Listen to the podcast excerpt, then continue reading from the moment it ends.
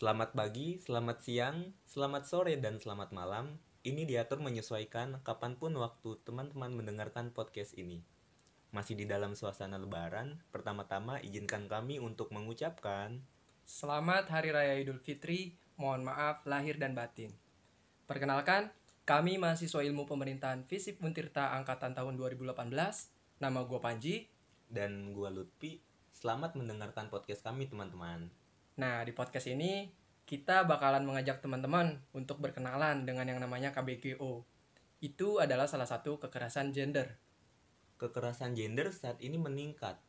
Aneh sebenarnya, karena mayoritas orang sekarang di rumah aja membatasi diri keluar untuk memutus dan menekan penyebaran COVID-19. Parah ya, justru meningkat loh. Mana lagi corona, di mana semua aktivitas terbatas, jarang ketemu orang lain, harus aktivitas dari rumah, kayak online gitu. Tapi ada celah ya bagi pelaku kekerasan seksual melakukan kejahatannya.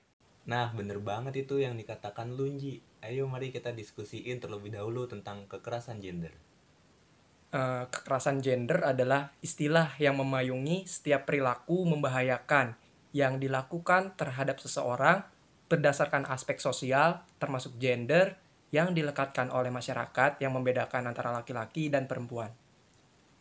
Termasuk di dalamnya adalah segala perilaku yang mengakibatkan penderitaan fisik, seksual, atau mental. Ancaman akan melakukan suatu perbuatan membahayakan, pemaksaan, dan atau perilaku lain yang membatasi kebebasan seseorang. Kemudian menurut data dari Komnas Perempuan menyatakan bahwa kekerasan berbasis gender ini meningkat 63% selama pandemi. Wah, ngeri banget ya. Seperti yang sudah dijelaskan di awal, bahwa kekerasan gender ini meningkat selama pandemi bukan menurun. Kenapa tuh Yanji? Oh, itu karena kekerasan gender mempunyai varian baru. Kekerasan berbasis gender online namanya. Bahasa hitsnya sih KBGO. Dan varian baru ini selama pandemi jumlah kasus KBGO itu naik hampir 300%. Dengan rincian kita lihat sepanjang tahun 2020 kasus dari KBGO ini sebanyak 228 281 kasus. Sedangkan pada 5 Maret 2021 terdapat 940 kasus. Wah, banyak juga ya. Tapi apa sih Ji KBGO itu? KBGO kekerasan berbasis gender online atau kekerasan gender yang difasilitasi teknologi. Pada dasarnya sama sih seperti kekerasan berbasis gender di dunia nyata. Tindak kekerasan tersebut harus memiliki niatan atau maksud melecehkan korban berdasarkan gender atau seksual. Jika tidak, kekerasan tersebut masuk dalam kategori kekerasan umum di ranah online. Oh gitu Ji. Modusnya kira-kira apa ya? Lo tau, Pi? Pertama, pendekatan dan memperdaya Ji. Jadi gini, katakanlah ada seseorang yang mendekati kita. Awalnya biasa saja berbuat baik. Terus kemudian orang yang bersangkutan merayu-rayu. Zaman sekarang itu ada sebagian perempuan yang didekati laki-laki ujungnya ketika sudah atau mau akrab dimintai pap tete gitu. Jadi kat- katanya kamu sayang. Terus kalau misalnya sayang ya berarti bisa kali kirim ke aku sekali aja dan cuman ke aku doang ini. Dan akhirnya untuk membuktikan sayangnya akhirnya luluh terbujuk dengan kata sayang itu. Bahayanya nanti ini bisa jadi bumerang ketika putus bisa disebarluaskan. Apalagi jika ada dendam, putusnya nggak baik-baik. Wah, terus ada juga sih modus lainnya tuh kayak pelecehan online. Nah, pelecehan online ini biasanya terjadi di komen-komen media sosial. Salah satu contohnya tuh belum lama terjadi saat terjadi kasus KRI Nanggala yang tenggelam. Nah, keluarga korban tuh mengalami pelecehan online yang dilakukan oleh akun atas nama Imam Kurniawan di media sosial Facebook. Di mana dia menuliskan komentar di saat kapal selammu tenggelam, di situ istrimu ku. Kenapa Ji? Ya gitulah Pi. Kalau mau tahu bisa dilihat kok di media-media banyak yang dilakukan oleh akun tersebut tidak seharusnya terjadi karena di saat yang lain merasa kehilangan seharusnya yang dilakukan adalah saling mensupport untuk keluarga korban. Terus juga ada modus lain yaitu peretasan dan pelanggaran privasi. Contohnya, akun media seseorang yang diretas untuk mengatakan hate speech kepada orang lain. Contoh lain peretasan yaitu penyadapan. Nah, penyadapan ini yang membuat data-data pribadi seperti foto-foto pribadi dan video-video pribadi itu diambil tanpa persetujuan dan sepengetahuan korban. Modus tipe lainnya penyebaran foto atau video intim dan pencemaran nama baik. Jadi, ini kelanjutan atas kejadian peretasan tadi. Jika peretasan itu sebatas mengambil foto, lalu foto itu jika diunggah ke publik, maka letak beda kasusnya di sini Ancaman distribusi foto atau video ini mengakibatkan pemerasan dan mau nggak mau harus mengikuti keinginan pelaku agar si korban ini nama baiknya tetap terjaga. Wah bahaya banget ya. Banyak juga ya modusnya. Tapi ini modus cuman secara umum aja kan ya? Nggak menutup kemungkinan kan ada modus baru? Iya betul. Terus faktor penyebab terjadinya tuh apa ya? Pertama, ada kekosongan hukum dalam kasus KBGO. Kemudian yang kedua, tidak dapat dipungkiri dengan meningkatnya aktivitas online, seperti maraknya penggunaan media sosial, ini menjadi salah satu faktor penyebab terjadinya kekerasan berbasis gender online itu terjadi. Wah, sayang banget ya. Ternyata kemajuan teknologi informasi yang pada awalnya dirancang untuk mempermudah kegiatan manusia malah disalahgunakan. Terus Yanji, dampaknya apa ya? Tentunya korban akan mengalami depresi dan ketakutan. Kemudian, korban biasanya akan cenderung menutup diri dari publik. Nggak bu bukan hanya itu sih, korban juga kehilangan kepercayaan terhadap keamanan dalam menggunakan teknologi digital. Bahaya banget gak tuh kalau jadi korbannya? Iya, parah. Terus yang berpotensi menjadi korban itu semua orang, bisa orang dekat dan masih keluarga kita. Apalagi punya adik ABG perempuan. Ini terjadi di lingkungan kecil seperti keluarga oleh orang-orang dalam rumah, bahkan lingkungan luar sekalipun. Selanjutnya yang bukan rakyat biasa, yang people-people good looking. people good looking, canda good looking. Oh, kayak kasus Giselle yang kemarin-kemarin itu ya, Pi? Iya, para itu, Nji. Apa coba faedahnya lagi begituan direkam? Ya biasa, buat konsumsi pribadi, Pi. Karena tidak sedikit orang Indonesia ketika sedang melakukan hubungan intim, yang bersangkutan ini merekam aktivitasnya agar kelak dapat disaksikan ulang dan untuk dikonsumsi pribadi. Tapi ini awal petakannya, kayak bumerang dah. Justru pahit-pahitnya nih ya, gak lama setelah kayak gitu, putus atau cerai. Mungkin juga dendam, akhirnya di-share lah tuh videonya. Yang bertujuan merusak reputasi orang terus juga atau mungkin ya karena HP kita rusak nantinya. Terus karena ada video di dalamnya ketika dibenerin oleh tukang servisnya dan tukang servisnya hilap melihat adanya video tersebut ya akhirnya dipindahin tuh ke memori si tukang servisnya. Itu persis seperti kasus tersebarnya video artis Giselle yang sedang berhubungan intim. Namun videonya tersebar ke publik kronologinya nih ya diakibatkan karena HP yang menyimpan video tersebut tuh posisinya tuh rusak.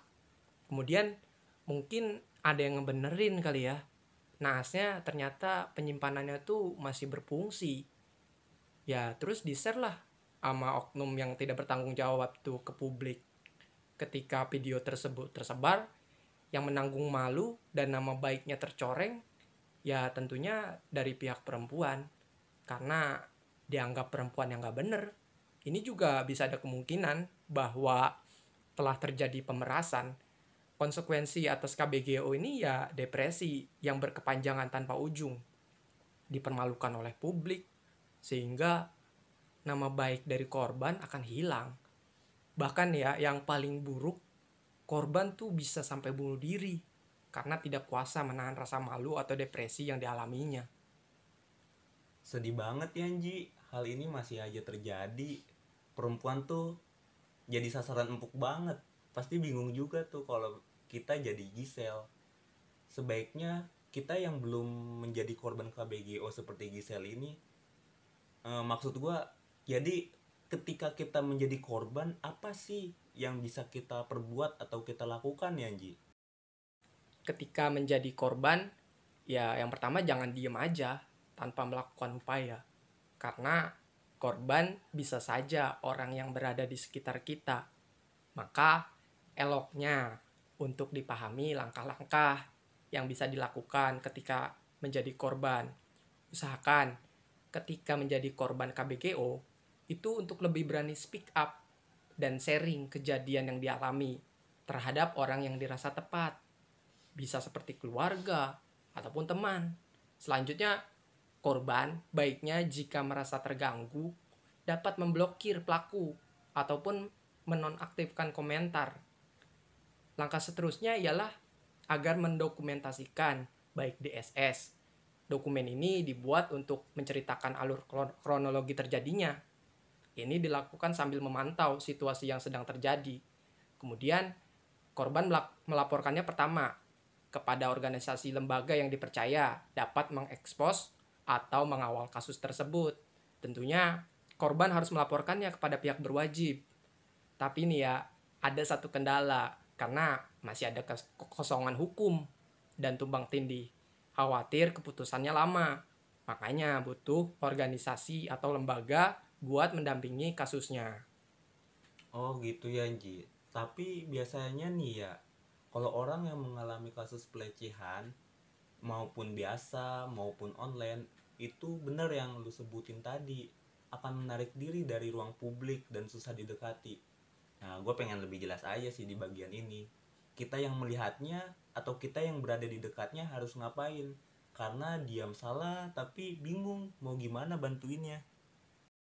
Ada tiga P yang bisa dilakuin. Yang pertama membentuk jejaring dukungan kepedulian dan dukungan jangka panjang bagi korban atau penyintas dari kasus KBGO itu dapat mencegah KBGO untuk terjadi. Para penyintas atau korban yang terdahulu ketika sudah berkumpul dapat menguatkan korban untuk membantunya sembuh dari trauma yang dialami.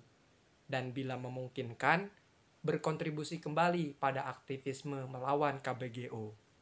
Yang kedua, menceritakan kisah korban dan penyintas menciptakan wadah atau sarana agar korban dan penyintas dapat menceritakan KBGO yang terjadi, serta keberanian dan cara melaluinya dapat menjadi kekuatan dan metode penyembuhan dari luka atau trauma, yang dialami.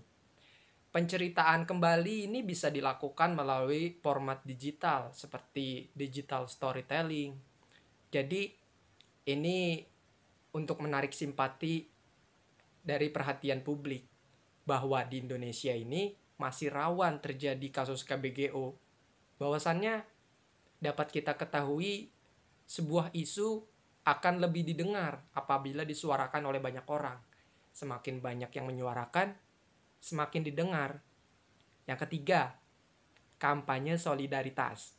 Kampanye demikian mengakui dan memberikan validasi atas KBGO yang telah terjadi pada korban dan penyintas, kampanye solidaritas dapat menyebarkan kesadaran akan keberadaan KBGO, serta membangun masa untuk memberikan tekanan pada pemerintah ataupun sektor privat terkait untuk membuat regulasi dan membangun kultur yang tidak mentoleransi kekerasan berbasis gender di dunia maya. Dalam poin 2 dan 3 bersinggungan erat sekali dengan media massa media massa kembali lagi menjadi aktor kunci karena memiliki peranan dalam mempublikasikan KBGO, khususnya dalam mencegah terjadinya trauma sekunder terhadap korban atau penyintas. Media massa dapat melakukan peliputan secara positif terkait penamaan dan pembongkaran kekerasan berbasis gender di ranah online atau yang difasilitasi teknologi dan bagaimana itu telah melanggar atau menghilangkan hak-hak perempuan sehingga menjadi kaum yang rentan. Sebagai pihak yang mendampingi korban, awal-awal harus ada kesepakatan dengan korban dalam melakukan segala tindakan, seperti pelaporan dan share cerita korban. Jangan bergerak sendiri tanpa dikonsultasikan dengan korban. Ketika korban tidak berkenan untuk diekspos ceritanya, kita juga harus menghormati keputusan tersebut yang telah diputuskan oleh korban.